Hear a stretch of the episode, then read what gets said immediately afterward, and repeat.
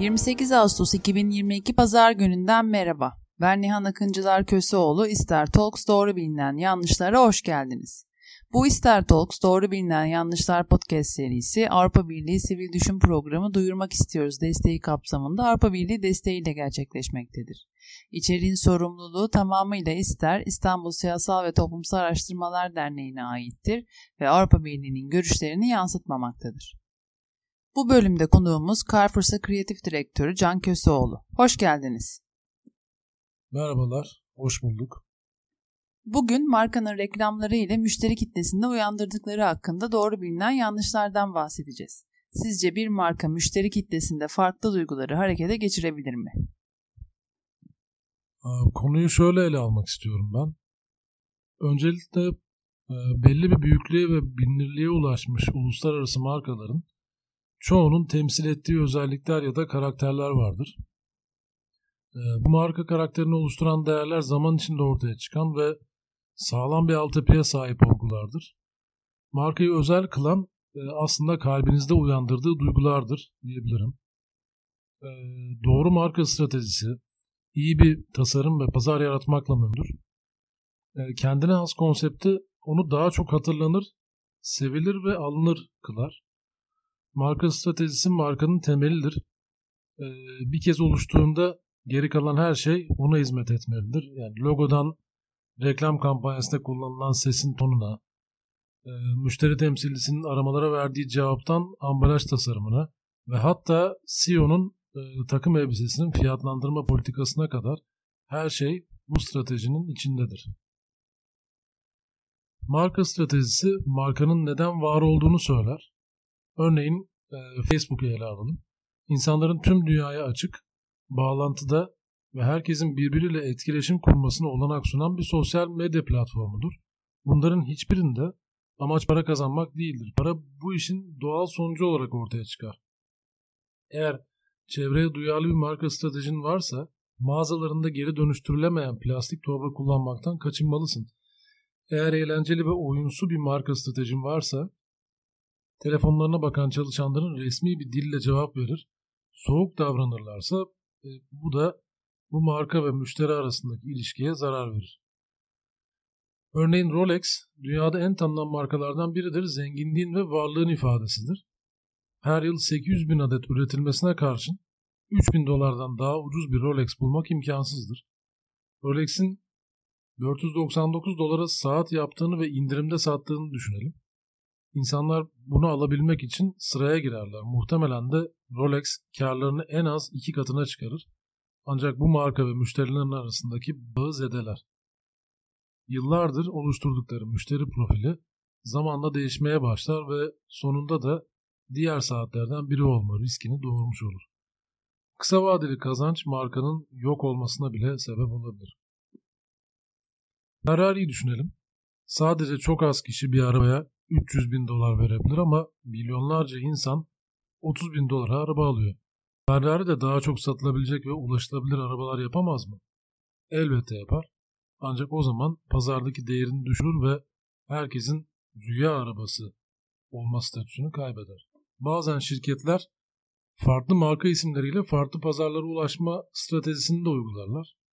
Ee, buna en bilindik örneklerden biri olarak Gap'i verebiliriz. Gap, e, Old Navy ve Banana Republic diye iki marka daha üretmiştir. Old Navy gelir düzeyi daha düşük kişilere seslenirken Banana Republic ise tam tersidir. Gap markası bu markaların yanında hiç anılmaz ama iki markada aynı görünmez şemsiyenin altında varlıklarını sürdürürler. Old Navy modelleri her gün gördüğümüz insanlara benzer, daima gülümseyen, arkadaşları ve ailesiyle olan insanlar. Mağazalarında kalın harflerle indirim pankartlarına her zaman rastlayabilirsiniz. 5 dolara tişört ya da 10 dolara pantolon almanız her zaman mümkündür. Müşterileri böyle güzel bir ürünü uygun fiyata aldığı için zeki ve mutlu hisseder. Diğer tarafta Banana Republic çok daha klasik ve iyi konumlanmış bir marka stratejisi izler.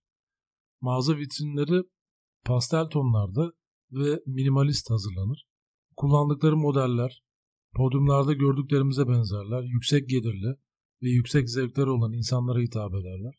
Fotoğraf kalitesi bile diğerlerine göre çok yüksek ve kalitelidir. Peki Banana Republic müşterisi ne hisseder? Diğer markalardan daha yüksek kalitede bir kıyafet giydiği için ayrıcalıklı ve reklamlarında oynayan modellerden biri gibi hisseder. Ee, araba markalarını ele alırsak, örneğin Volvo güvenlik, BMW unutulmaz sürüş deneyimi, Bentley ise sadece ismi bile bir statüdür. Peki, peki ya Hyundai, Kia, Honda bu markalar size herhangi bir şekilde özel hissettirir mi? Çok sanmıyorum. Apple ürünleri üstün teknoloji ve farklı dizaynlar kullanır. Herkesten farklı düşünülmüş seçimler yapar. Aynı teknoloji ve kaliteli materyal kullanımına rağmen Dell ya da HP sizi özel hissettiren herhangi bir özelliğe sahipler mi? Apple gibi değil. Markayı özel kılan kalbinizde uyandırdığı duygulardır demiştim. Kendine az konsepti onu daha çok hatırlanır, sevilir ve alınır kılar ve bu doğru marka stratejisi iyi bir tasarım ve pazar yaratmakla mümkündür. Çok teşekkürler. Peki günümüzde müşterilerin bu stratejileri ya da markanın anlatmak istediklerini özümsemesi için yapılan yenilikler var mı? Evet. Özellikle son 5 yılda herkesin sıkça duyduğu bir tanımlama var. Influencer. Kısaca bir kitlenin davranışlarını etkileyici bir şekilde değiştiren kişi veya kişilerdir influencerlar. Bu noktada influencer marketing için sosyal medya üzerinde YouTuber, blogger ya da internet fenomenlerine örnek verebiliriz. Bu influencer kişi ve veya kişilerin bir kitlesi kendilerini takip eden binlerce ya da milyonlarca takipçileri vardır. Ve o kişiyi güvendiği, örnek aldığı ve samimi bulduğu için takip ederler. Bu kişilerin sabit bir izleyici kitlesi vardır. Bir aile gibi düşünebilirsiniz bunu. Influencer sosyal medyanın otoriter gücüdür aslına bakarsanız. Ee, büyük bir hedef kitleye seslenebilecek güce sahiptir aynı zamanda. Influencer marketing için kendinizi büyük bir takipçi topluluğunuz olduğunu düşünün. Sizi bilir kişi olarak gören ve örnek alan birçok kişi oluyor ve sizi örnek alan birçok kişi sizin gibi olmak istediği için sizin satın aldığınız bir şeyi takipçinizde almak isteyebiliyor. Siz takipçileriniz için deyim yerindeyse bir idol oluyorsunuz.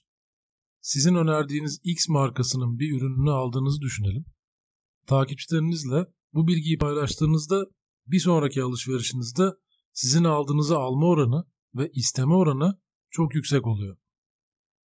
Influencer marketing bir bakıma pazarlama stratejisidir. Bu yüzden potansiyel alıcılara yönelik aktiviteler yapılmalıdır.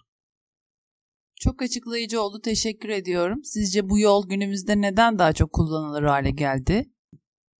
Bence klasik bir pazarlama diliyle ulaşmaya çalışıp ulaşamadığınız hedef kitle ve pazarlara çok daha kolay bir şekilde ulaşmanızı sağlıyor e, influencerlar. Hedef kitlenizle daha samimi ve cana yakın bir etkileşim sağlıyor. Dolayısıyla bu kişilerin ürün ya da marka ile ilgili deneyimlerini aktarması tüketici açısından güvenilir bir kaynaktır. Devamlı bir müşteriye dönüştürmek için etkili bir rol oynuyor. Yarattığı etkiyle giderek önem kazanan ve tercih edilen düşük maliyetli yeni nesil bir pazarlama yöntemi de olduğu için artık vazgeçilmez konuma geldiğini söylesek pek de yanılmış olmayız. Tabii ki markanızı al bu ürünün takipçilerine ücreti karşılığı tanıt diyemezsiniz. Ürünlerinizi bizzat deneyimleyerek ve deneyimlerini takipçilerine anlatmaları esastır. Bugün bizlere katıldığınız ve markanın reklamları ile müşteri kitlesinde uyandırdıkları hakkında doğru bilinen yanlışlar konusunda bizleri aydınlattığınız için teşekkür ederiz. Çok keyifli ve bilgilendirici podcast yayını oldu. Dinleyicilerimize söylemek istediğiniz son bir şeyler varsa duymak isterim. Bence markanın yapı taşlarını oluşturan ve sarsılmaz değerlerini devam ettirecek şekilde kurgulanan her kampanya ya da reklam zaman içinde doğru hedeflerine ulaşacaktır. Fakat günün getirdiklerini ya da deyim yerindeyse trendleri es geçmeden yapılacak küçük dokunuşlar da yeni jenerasyonları ve kitleleri yakalama konusunda markaya yardımcı olacaktır diye düşünüyorum. Tekrar katıldığınız için teşekkür ederiz. Dinleyicilerimize minik bir hatırlatma yapmak istiyorum ve açıklama kısmında yer alan anketimize katılmanızı rica ediyorum. Bir sonraki podcast'imiz 4 Eylül 2022 tarihinde Nihan Akıncılar Köseoğlu ile Türkiye'de insan haklarını koruyan mekanizmalar konusu üzerine gerçekleşecektir. Hoşçakalın, doğrularla kalın.